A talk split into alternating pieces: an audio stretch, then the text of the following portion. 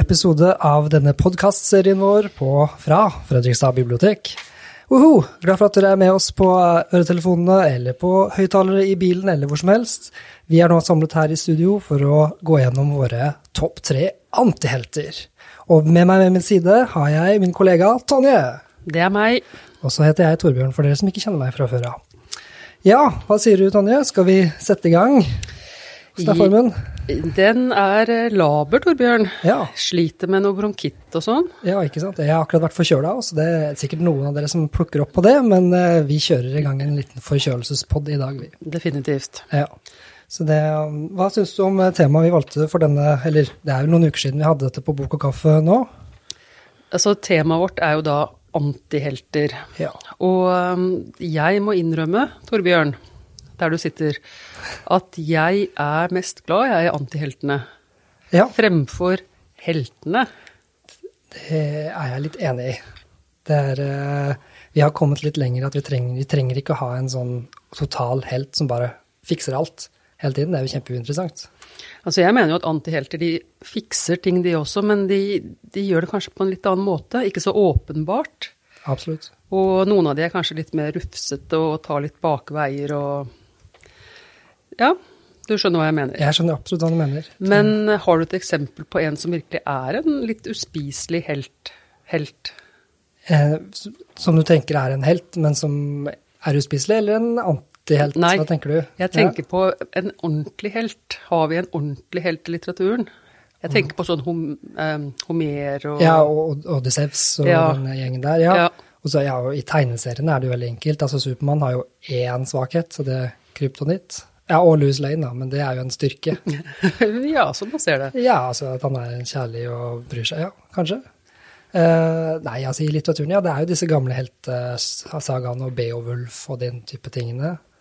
Så det er ikke noe jeg leser til vanlig, nei. Nei, og da har vi de heltene som på en måte ikke gjør noe feil, ikke sant? De er perfekte. Og hvem vil lese om et perfekt menneske? Ikke vi. Ikke vi. Nei. Så det, så det ja. Så definisjonen på da, det er jo et ganske bredt begrep. Nå slo jeg opp hva Norsk akademisk ordbok sier, og de sier at dette er en hovedperson med egenskaper som er de stikk motsatte av tradisjonelle helteegenskaper.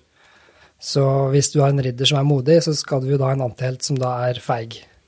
Uh, I forhold til den definisjonen, da. Jeg føler at vi kan gå litt rundere enn det. Vi, vi går langt over og forbi den ja. definisjonen. Vi har samla opp et godt knippe, har vi ikke det? Jo, jeg mener at vi har et veldig godt utvalg eh, for å representere den, den type sjanger. Ja. Og så er det da en standard tre på topp. Du vet ikke hva jeg har, Ikke i det hele tatt. og jeg vet slett ikke hva du har. Nei, det, men om litt. Vil du starte med din uh, bronseantihelt? Ja, jeg tror vi bare kjører i gang jeg, med ukas topp tre. Ja, da skal jeg starte med min bronse, min tredjeplass. Den eh, boka jeg mener eh, kommer seg så vidt inn på lista over mine topp eh, tre antihelter. Eller som bøker som har en av mine topp tre antihelter. Jeg har vært litt sånn rund i er det boka som er plasseringen, eller er det antihelten som er plasseringen? Det, jeg syns de går litt over i hverandre, så det går greit. Ja. Min første her, det er 'Sirkelens ende' fra 2001 av eh, Tom Egeland, som handler om eh, helten, eller da antihelten, Bjørn Beltø. Eh, Bjørn Beltø er førsteamanuensis i arkeologi i Oslo. Han er ikke professor, han er ikke det. Så det starter med, i denne boken så er han med på en utgraving i Moss. Der er det et britisk arkeologiforening eller organisasjon som skal ha en utgraving, og han er med som oppsynsmann. Den kjedeligste jobben, og som er bare byråkrati, og han skal sitte og se på at de graver. Eh, så viser det at de finner noe ganske oppsiktsvekkende, for han merker det på stemningen på hele utgraveringsstedet, og det var ikke, det var ikke noe de beskrev at det var det de lette etter. Det plutselig dukker opp et skrin som ingen helt vet hva er for noe, men det er noen er veldig gira. Og Bjørn, vår antihelt, han skjønner at det er noe som ikke stemmer, så istedenfor å melde det, så tar han bare med seg det skrinet og stikker av inn til Oslo. Eh, og så er det i gang. Og så er det en konspirasjonsjakt, og Bjørn som prøver å ikke overlevere dette skrinet. Og det som gjør han til en antihelt, er jo det at han eh, Altså, han, han gjør det fordi han er sta. Det er rett og slett en sånn derre det er ikke, Han tror ikke at det nødvendigvis er for å redde verden, det er bare at det var ikke sånn det skulle være, og det er ikke sånn det burde vært. og han er sta, og han er ikke modig, men han, er, så han gjemmer seg jo mer unna, og han går ikke i konfrontasjon med sin sjef som sier at han skal utlevere dette, osv. Uh, og så han har veldig dårlig selvtillit. Uh, og spesielt når det kommer til uh, sånne Å være en sterk figur, da, som ja, gjelder spesielt kjærlighet og damene og alt mulig. Ja, så Jepp, ikke en klassisk helt. Men liker du overhodet denne Bjørn Beltø? Ja. Det, er det noe som appellerer til deg i ham? Det er jo det det er, fordi han er jo en, en outsider, uh, på en måte, og det er jo noe på en måte en, en helt Altså, det er jo en, vekker jo en sympati at vi heier jo på underdogen, og han er en underdog, men jeg syns jo han er usmakelig til tider. Jeg, synes, jeg irriterer meg over hva han sier. Hvorfor Kan du ikke bare gjøre det på den enkle måten? Så må du være så sta Hvorfor må du gå rundt og sutre for ting som skjedde? Som, liksom, han er veldig sånn sytete, da. Uh, men han får jo ting gjort på sin måte til slutt. Så det er jo det er, det er veldig fascinerende. Jeg liker han jo egentlig, bare får han litt på avstand noen ganger. Det er utrolig bra. Ja. Det er en serie vi har, ikke sant? Det er en lang serie. Det er vel sju-åtte bøker der nå, tror jeg. Uh, og det er vel skrevet i, sånn, i Dan Brown-land. Ja, så hvis du liker Da Vinci-koden, så kommer du til å elske denne boken her også. Heldigvis for Tom Egeland så var han litt før.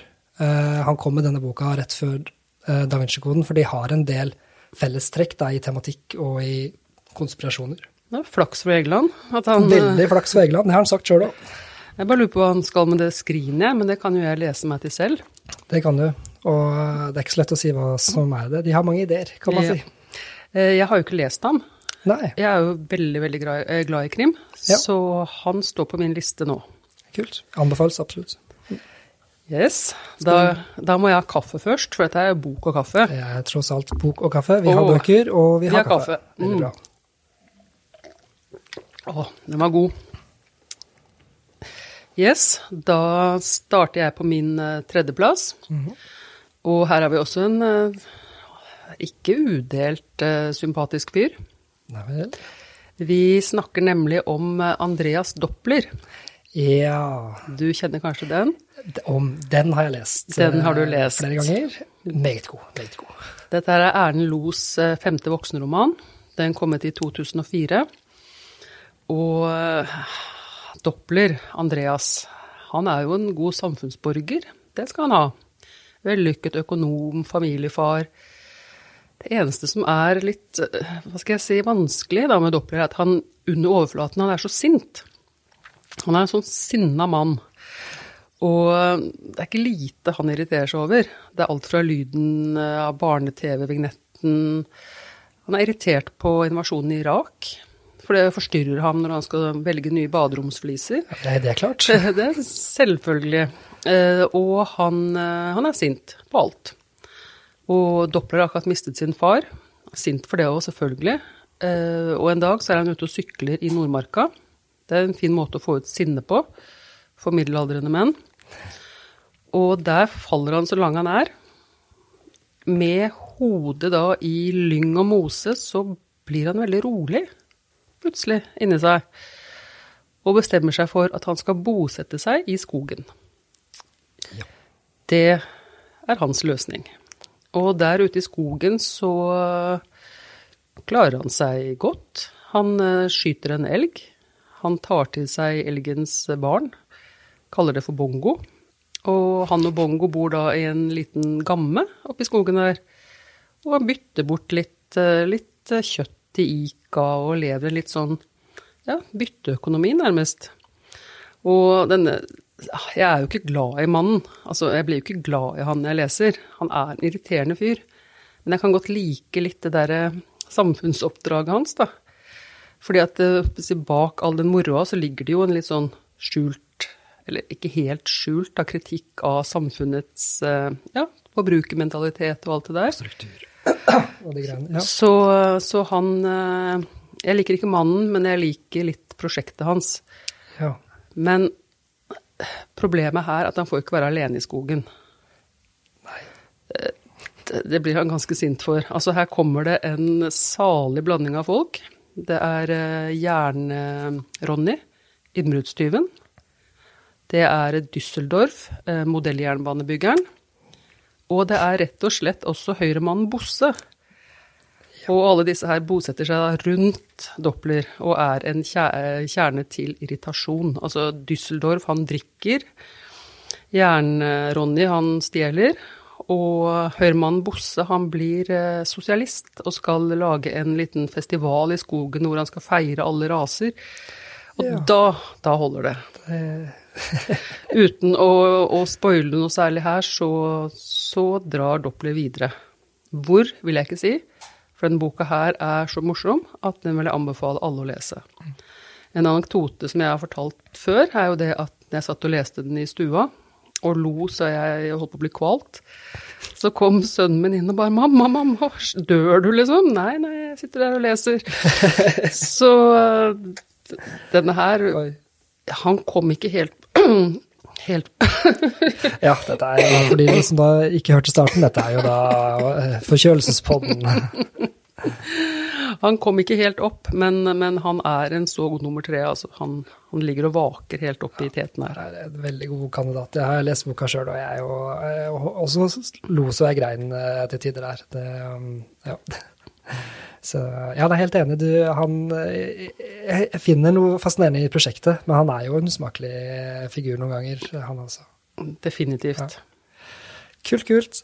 Vi, da kan vi gå videre til min, min sølvmedalje, min annenplass. Og her har jeg på en måte altså Jeg har ikke juksa litt, men det er jo en bok som har uh, egentlig bare antihelter i seg. Uh, så da var det liksom greit å få inn boka, men jeg velger å konsentrere meg om én av de da. Eh, og boken den heter eh, 'Stormfulle høyder'. Den er fra 1847. Emily Brønte. Eh, en god, gammel klassiker der, altså. 'Wuthering Heights', som heter på engelsk. Også en sang av Kate Bush, som jeg tipper flere av dere har hørt. Jeg tror flere har hørt låta enn lest boka. Tror du det, Daniel? Jeg tror ja. uendelig mange mennesker har lest den boka. Ja, det, er, det er litt sånn dannelsesroman for ja. ungdom. Men låta er jo catchy, da.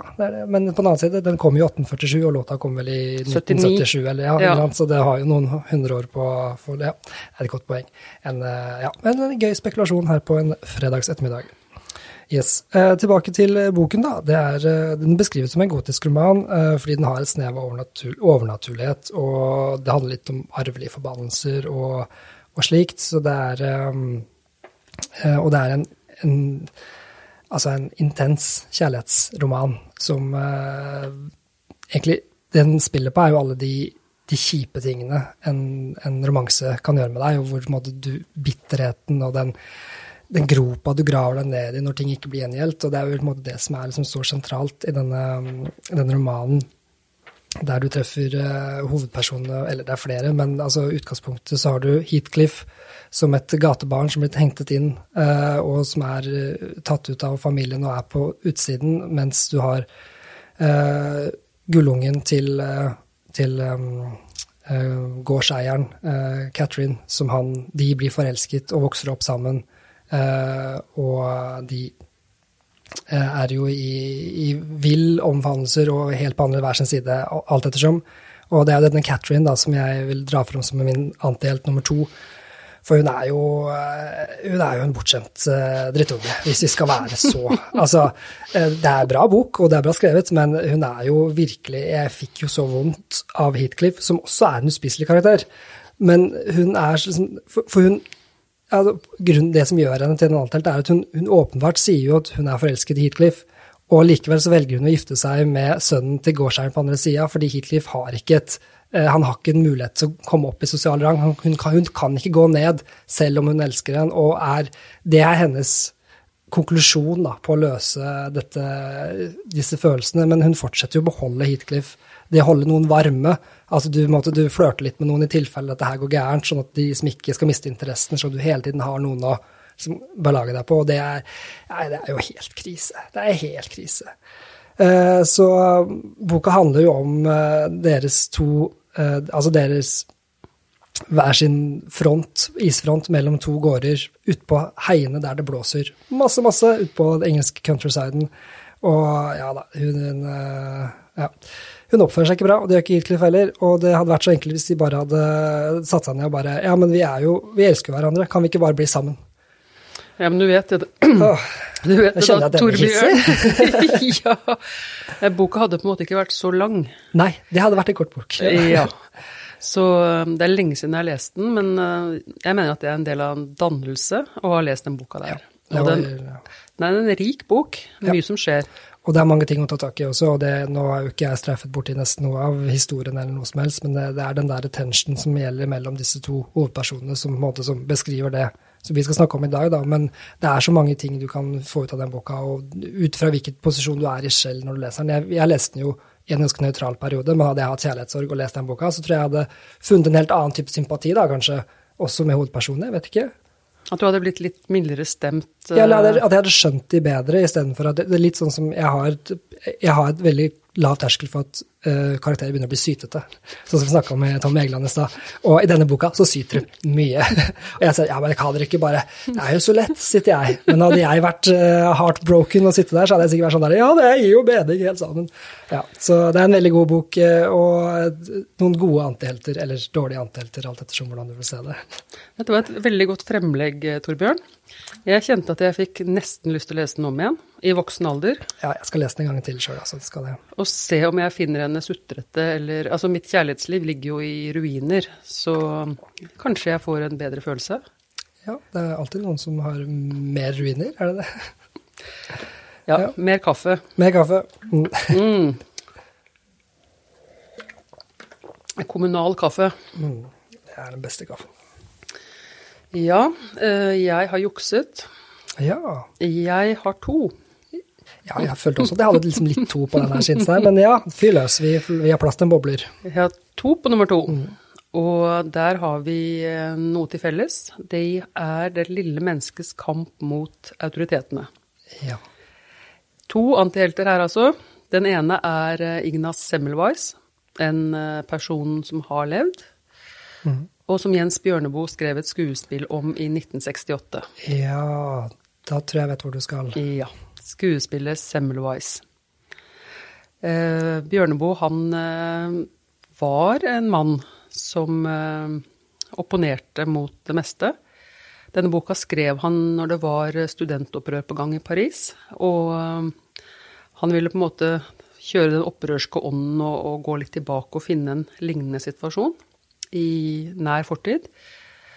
Så da det børster han støvet av Semmelweis og prosjektet til Semmelweis. Og her har du en fyr som jeg sympatiserer 100% med, Ja. men uh, som ikke klarer å, å stå opp for, for det han vil, fordi han blir kneblet.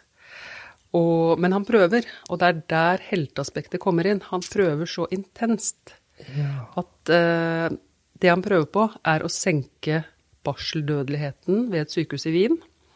Vi er i ca. 1850, og eh, det er to avdelinger på sykehuset med fødende kvinner.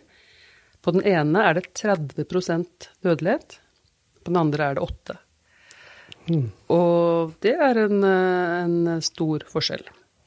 Så Semmelweis han undersøker da litt og finner ut at på den avdelingen hvor det er 30% dødelighet, så kommer da legene rett fra disseksjon. Og Det høres ikke så lurt ut. nei, Så skal bare eh, i bakspeilet så høres det ganske forferdelig ut. De går rett fra disseksjon, og de eh, hjelper da disse fødende kvinnene. Mens på den andre avdelingen med lavere dødelighet, så er det jordmødre, og de vasker hendene. Så Semmelweis legger sammen én og én og får to. Og ber da legene også om å vaske hendene sine. Men det vil de ikke.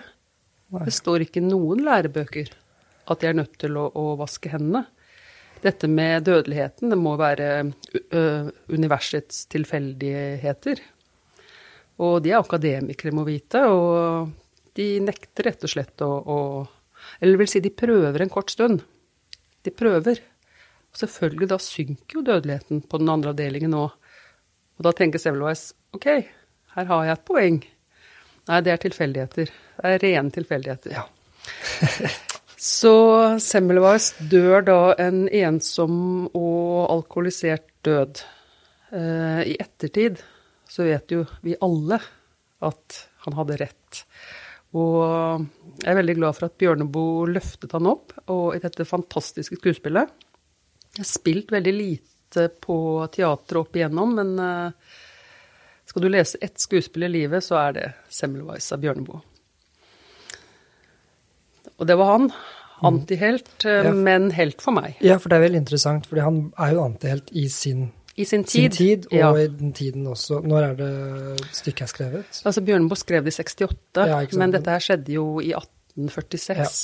Så det er jo, så det er jo da Den blir jo på en måte en Det er jo en soleklar helt for oss at han liksom prøvde å fikse et stort problem, på en måte, men i den tiden så er han jo Ja. Ja, han var ikke helt i det hele tatt. Han døde glemt og Irriterende fyr som prøver Ja, å blande seg opp i akademikernes ting. Ja. Ja. Uvitende Pakk. Pakk, ja. ja. Nei, det er veldig interessant. Nei, han er så fin. Jeg er glad i Semmelweis. Ja. Og jeg er glad i Dr. Stockmann også. Ja. Kjenner du han? Nei, ikke så mye. Det er, eh, det er den godeste Ibsen. Ja. Et av hans eh, mest kjente samtidsskuespill. Dr. Stockmann han er eh, litt som eh, Semmelweis, for det dreier seg om helse. Mm. I denne lille sørlandsbyen hvor han holder til, så har de en kurbad. Et slags eh, Kan vi si The Well? Vi kan si det Well. Bare for å sette det inn i moderne kontekst. Ja. Et kurbad hvor folk legger seg inn for å bli sunne og friske. Eh, Nå oppdager dr. Stockmann at dette badet, det er fullt av bakterier og svineri. Det er før klor, dette, ikke sant? Før klor. Og denne, dette oppholdet på kurbadet vil få folk til å få plage både inn- og ut, utvortes.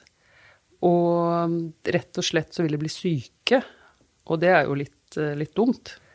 Ja. Du, du, er, så går på sykehuset, så kommer du igjen ut dårligere enn du starta. Ja. Så dr. Stockmann er glad fordi han har funnet ut hva dette her skyldes.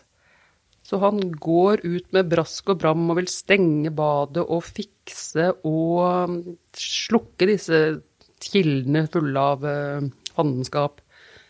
Men eh, det får han ikke. Nei. For broren hans er nemlig eh, direktør for badet. Og badet genererer jo selvfølgelig veldig mange penger inn til denne sørlandsbyen. Så Stockmann, han blir den ensomste mannen i byen. Ingen som vil eh, ha noe med han å gjøre? lenger? Det er ingen som vil ha noe med han å gjøre lenger. Og badet fortsetter, og Stockmann skriver leserinnlegg, og han står på talerstoler og roper, men, men ingen hører på han. Så badet består, folk fortsetter å bli syke. Så, så her har vi, vi har litt av, av Semmelweis her. Så derfor så trekker jeg fram disse to, Ja. som da ville vært helter i vår tid, og kjempet forgjeves mot systemet i sin samtid. Veldig bra. To flotte menn. Skal ikke undervurdere Ibsen, og jeg er veldig glad i hans skuespill. Ja, jeg skulle ha lest mer eh, av hans skuespill. Jeg har lest Per Gynt, men eh, han er jo en eh, Altså, det er ikke noe å si på at Ibsens litterære kvaliteter. Det tror jeg ikke vi skal Det er et egen podkast, det. Ja. Ja. Å ja, en Ibsen-podkast. Ibsen spesial. Ja. Jeg får, jeg får lese meg opp litt. Så. Skal vi gå videre? Er du, har du mer Jeg har ikke mer å si om disse. det, det er, Den er grei. Da går vi til min eh, topplassering. og Der har jeg gått eh, Ja, dette er Åh, dette, dette er bok jeg har kost meg med. Eh, Nå skal vi gå på, til Postkontoret fra 1971 av Charles Bukowski. Oh. Post Office, som den het da den kom.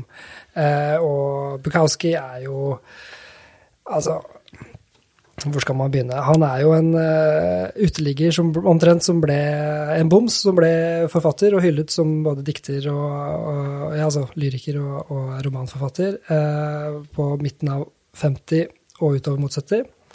Uh, det som han skriver om, er jo stort sett seg sjøl. han skriver en litt sånn Hva heter det for noe? Biografisk fremstilling, men han har et alter ego som han kaller eh, altså Charles Bukowski kaller han for eh, Henry Chinaski. Det er hans eh, alter ego, litterære helt, som såkalt antihelt. Uh, og i denne boken så møter vi jo Chinaski, uh, så han er helt, uh, han er helt på felgen. Han har ikke noe sted å bo, ikke noe penger, og alkoholisert og ja, det som er her. Så han finner ut at han må begynne å jobbe på Posten. Og i Posten i 1950 i USA er jo et eh, sted med mye sånn reglement, og det er strengt, og det er, du skal bære uniformen, du skal representere The US Postal Office. Mm. Det er helt i andre enden av hva denne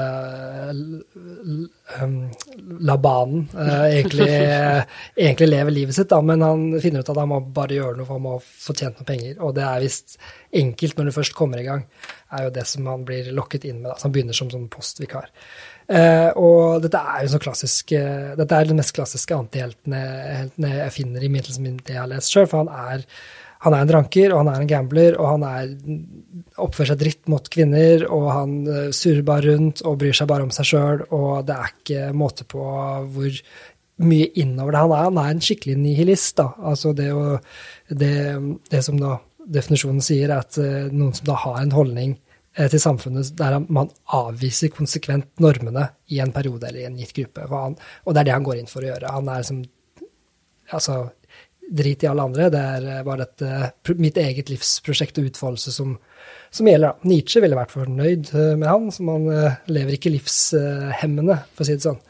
Men posten hemmer han litt. Så han prøver seg å levere post og skulker unna og sjekker opp enslige damer på ruta og eh, ja, det drar på veddeløpsbanen i arbeidstiden og altså, ja, hele pakka. Og jeg har et lite utdrag der, bare for å ja, Mine ord er liksom ikke nok da, til å beskrive denne den dysfunksjonelle postmannen. Skal vi se om jeg finner Og du skal lese litt høyt? Skal lese litt, litt utdrag. Flott. Det har vi lov til på signatur, eh, nei, eller sitatretten, som det heter. Um, nå er vi da i begynnelsen på postkontoret, og der skriver han. Uh, eller eh, for uh, altså i opp, oppløpet her så er han har fått han har fått beskjed om å gå og levere post på en rute, og der er det en kirke. Uh, og der skal han også levere posten, da. men han vet ikke hvordan, for han har ikke vært der før. Og da kommer han. Jeg gikk rundt til langsida på kjerka og fant ei trapp som førte ned. Jeg gikk gjennom ei åpen, ei åpen dør. Gjett hva jeg så. Ei rad dasser og dusjer men det var mørkt. Lyset var slokt. Hvordan i helvete tror de at det går an å finne ei postkasse i stappmørket? Da så jeg lysbryteren. Jeg vrei om, og alle lysene i kjerka ble tent både inne og ute. Så gikk jeg inn i neste rom, og der lå prestekjoler spredd ut på et bord. Det sto ei flaske vin der også. I Herrens navn, tenkte jeg, hvem faens andre enn jeg er det som havner sånne steder? Jeg grep vinflaska, tok en god slurk, la brevene på kjolene og gikk tilbake til dusjene og dassene. Så slo jeg av lyset og satte meg og dreit i mørket og røykte en sigarett. Jeg overveide å ta en dusj, men så for meg overskriftene. Postmann arrestert naken i romersk-katolsk kirke, drakk Guds blod og dusjet. Vel, det viste seg at jeg ikke fikk tid til lunsj likevel, og da jeg kom tilbake, skrev Johnston meg opp fordi jeg var 23 minutter for sein. Seinere fant jeg ut at post til den kirka skulle leveres i menighetshuset like rundt hjørnet, men nå veit jeg i hvert fall hvor det går an å drite og dusje når jeg er langt nede oppe og kjøre. Oi, Torbjørn. Og det blir verre. Og dette er jo det neste minst grafiske i boka. Den er, den er brutal, og den er rå altså, i tonen, og det er veldig fascinerende. fordi det er jo litt det som jeg føler er litt funksjonen for Antelt, i hvert fall for meg, er jo å lese om ting som jeg ikke hadde turt å tenke nesten sjøl. Altså du måte, lever den der Du lever litt gjennom ja, eh, Jeg ville jo ikke vurdert å bryte de normene og, og, være så på randen og være så i posisjon til alt, men jeg syns jo det er veldig fascinerende at det, går, at det er noen tannhjul i et hjerne som kan vurdere det og gjøre det, da. Men har du overhodet sympati for ham? Uh, Eller har du bare litt nei. beundring for hans Nei, jeg har jo ikke det. Jeg, jeg, heier jo, jeg heier litt på han fordi jeg vil gjerne vite hvor gærent det kan gå, på en måte. Så jeg vil jo gjerne liksom, Jeg blar jo om for å lese det sånn der, Jeg la ham fortsette på det. Hvor, liksom, hvor går grensa? Er det, når er det det bikker over? Men jeg har jo ikke Jeg syns jo han er en ufyselig karakter. Men, eh, men så på den annen side så har han jo fordi han er forfatter og han forteller om det den måten, så får du også en viss sympati, fordi han, de viser at han må ha selvinnsikt litt. Så det er et sånt knep en del forfattere kanskje kan gjøre for å gjøre seg selv liksom litt opphevet, da. Ja, vet du hva. Nå avbryter jeg det her, for vi skal snakke om selvinnsikt. Ja. Skal vi kjøre rett over? Ja, ja. det skal vi. Det var en god bro. En, uh, skulle tro vi hadde manus. Det har vi ikke. Så har jeg flagra med et ark. Det er bare notater, jeg lover. Eh, vi har eh, snakket om Bjørn Beltø, ikke sant? Ja. som er en, eh, en, person i en krimroman. Jeg har en du, Han når ikke opp noe sted, han her. Han er bare motbydelig og får ikke noe plass. Din, din helt. Ja. Han får ikke noe plass på Tre på topp, men han må nevnes. Oh, ja! For han er så til, ja. Ja. uspiselig. Han er Han må være den verste antihelten og overhodet uten kvaliteter. ja, nå er jeg spent. Vi har Leif GV Persson Ja. og hans krimhelt, eller krimhelt, eh, jeg kan ikke Krimperson. Det er den notoriske Evert Bekkstrøm. Stemmer. Evert Bekkstrøm har ikke et sympatisk gen i kroppen. Han er eh, liten, undersetsig, med små griseøyne som plirer. Og um, han har en enorm tro på seg selv. Han tror han er damenes magnet. Han skryter veldig av den såkalte salamien sin. Jeg skal ikke utdype noe mer enn det. Nei, det er godt vi er på radio, så slipper vi vise bilder. Jeg vil ikke tenke på den. Så bare et lite, lite glimt her av Evert Bekkstrøms tankegang. Eh, Her har vi noe kolon som eh, Altså, du vet sånn quote unquote? Ja. Hermetegn. Hermetegn, eller hva jeg skal kalle det. Så det kom kanskje fram i måten jeg leste det på. Onsdag 29. mai klarte kriminalkommissær Evert Bekkstrøm å holde seg borte fra jobben nesten hele dagen. Dette var et resultat av omhyggelig planlegging. For allerede kvelden før hadde han via mobiltelefonen tastet inn 'arbeider hjemme'. Ser du tegnene Jeg ser tegnene, det flagrer. Fram til klokken 11 på formiddagen, etterfulgt av en konferanse hos Rikspolitistyrelsen. Flagre, flagre. Her flagrer vi. Som begynte klokken ett om ettermiddagen. Stort sett behøvde han bare å gå inn og snu på kontoret, for så å ha all verdens tid til å sovne på nytt om morgenen, ta en lang dusj og hvile middag etterpå. Det er Bekkstrøms eksempel på en fryktelig god eh, arbeidsdag. Ikke være der i det hele tatt. Det er noen som har knekt koden. Han er så fæl. Den boka her er så tjukk. Den er på, um, den er på nesten 700 sider. Oi. Så det er mye Bekkstrøm for pengene, altså. Ja, det vil jeg tro. Hva Ja. var tittelen igjen? Det var Den sanne historien om Pinocchios nese fra 2014. Da legger jeg den på gulvet, for nå har jeg kommet fram til min favoritt. Ja. Det var en murstein, ja. Ja, hørtes smalt i gulvet. Her har jeg et uh, fotografi foran meg. Det, det er ikke alltid det funker på lufta. Men uh, ja, vi har en eh, kjekk mann her. Islender, skjegg og pipe. Det er selvfølgelig da Jon Michelet. Sjølvaste. Og um, Jon Michelet har fulgt meg helt fra jeg var tenåring. Det var min far, Kjell Wangberg, som introduserte meg til, eh, til eh, Wilhelm Tygesen. Det er Michelets krimhelt. Ville Tygesen blant venner. Og um, han er en helt for meg, fordi at han klarer å ordne opp i tingene, men ikke nødvendigvis via de riktige måtene. Han går litt bakveier, eh, kutter litt hjørner, men han får ting gjort. Problemet med Ville Tygesen er at han var advokat. Han var en stjerneadvokat, men eh, han har klart å miste lisensen. Og i denne boka her, som heter Hvit som snø, kom i 1980, så har han eh, Hva skal jeg si? Gått på fylla en stund. Han eh, har som sagt mistet lisensen sin. Han bor i en lurvete leilighet i Oslo sentrum. Han kan ikke kalle ham privatdetektiv engang. Han, eh, akkurat nå i den boka her så holder han på å jobbe som reklametekstforfatter. Ja. Ja, det syns han er en dårlig jobb. Han krever lite av da, så han har god tid til å drikke. Så denne morgenen, da, hvor eh, romanen starter med et brak, det er jo eh, det er en trist morgen. Han er bakfull. Våkner opp i en sovepose med islender og klør seg godt og går ut på badet. Der ligger det en død mann, ja. som, som seg hør og bør. Ikke verre, nei. nei. Og øh, da skal jeg bare lese et lite utdrag av hvordan Ville Tygesen føler seg da. Hva ville du gjort hvis du hadde våknet opp til ditt livs blåeste mandag og funnet en heldød type på badet? Hva ville du gjort hvis du hadde mistanke om at det var du som hadde ekspedert vedkommende?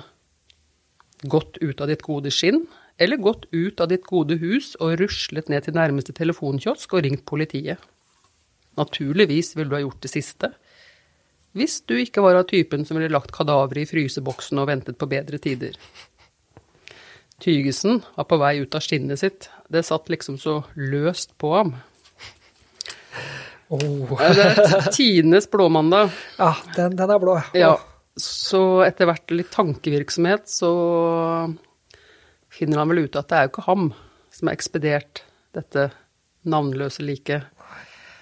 Men uh, hans prosjekt vil jo da være å finne ut hvem som har gjort det. For ellers er jo han ille ute. Ja, det vil jeg tro.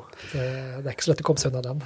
Så uh, resten av denne relativt lange boka, det er en odyssé gjennom Oslos underverden, hvor uh, Tygesen, som i tankene kaller seg 'mannen som eier et lik', prøver å finne ut hvem som har tatt knekken på denne, denne mannen på badet. Og han Det er så vanskelig å beskrive Jeg vil ikke si så mye om handlingen, men, men jeg, jeg, kan kalle det en odyssé. Rett og slett en odyssé. Og jeg vil ikke røpe noe som helst. Eh, bare en liten morsom passasje hvor uh, Tygesen han, uh, han har vært og svømt på Tøyenbadet, liker han. Han har ikke bad i leiligheten, selvfølgelig. Og han har lommen full av mannen på badet sitt penger. Ja. Som eh, han tenker litt sånn lakonisk at han har jo ikke behov for de. Så han har en shoppingturné gjennom Ferne Jacobsen. Da blir det dyrt. da blir det dyrt. Så han kommer inn som en lasaron og forlater uh, Fernet Jacobsen som en laps. Da har han uh, gått gjennom alle avdelinger og fått seg kamelhårsfrakk og til slutt så ber han eh, ekspeditrisen om å pakke ned de gamle klærne hans i en pappeske, og da holder hun seg for nesen da, og putter hans utbombede klær, som han kaller det, i esken. Så på sånn biohazard-merke. Så det er eh, Jeg er så glad i Tygesen, og Michelet beskrev ham som en litt sånn vrang kompis som han aldri helt ble kvitt. Han begynte jo å skrive om ham på slutten av 70-tallet, og følte vel egentlig at han var en enboksmann. Ja. Men, men, han ble ikke kvitt ham. Han satt på ryggen hans og krevde stadig nye bøker. Ja. ikke på engelsiden, kanskje? Nei, han ja. satt som en liten djevel og ja. ville bli skrevet om. Så han skrev faktisk om uh, Tygesen helt nesten fram til han satte i gang med den Skogsmatros-serien sin. Ja, nettopp. Mm. Når, og når var denne uh, Hvit som snø? Den er fra 1980. Ja. Så han skrev hvert fall om Tygesen helt fram til uh, 2012, tror jeg. Så han var en, en langvarig, ikke så god venn. En seig jævel? ja, en seig jævel. Rett og slett. Veldig bra. Det, ja, den, eh, den, har jeg litt lyst til å lese, og med skildringer av Oslo på 80-tallet. Det må jo være temmelig amazing. Det som er litt gøy med å ha sånne tre på topp med hemmelige bøker, er jo at man får tips. Absolutt. Ikke bare våre tilhø tilhørere og, og, lånere er, men også vi selv. Jepp, det er helt, eh, helt konge. Det Så hvis du nå, før vi sier takk for oss, gir meg Bjørn Beltø i hånden her Så tar jeg imot Michelet i den andre. Så tar du imot Michelet ja, i den andre, og så går vi inn i helgen. Det høres ut som en veldig god plan. Da håper vi dere får en veldig fin helg der hjemme også. Takk for oss. Takk for oss.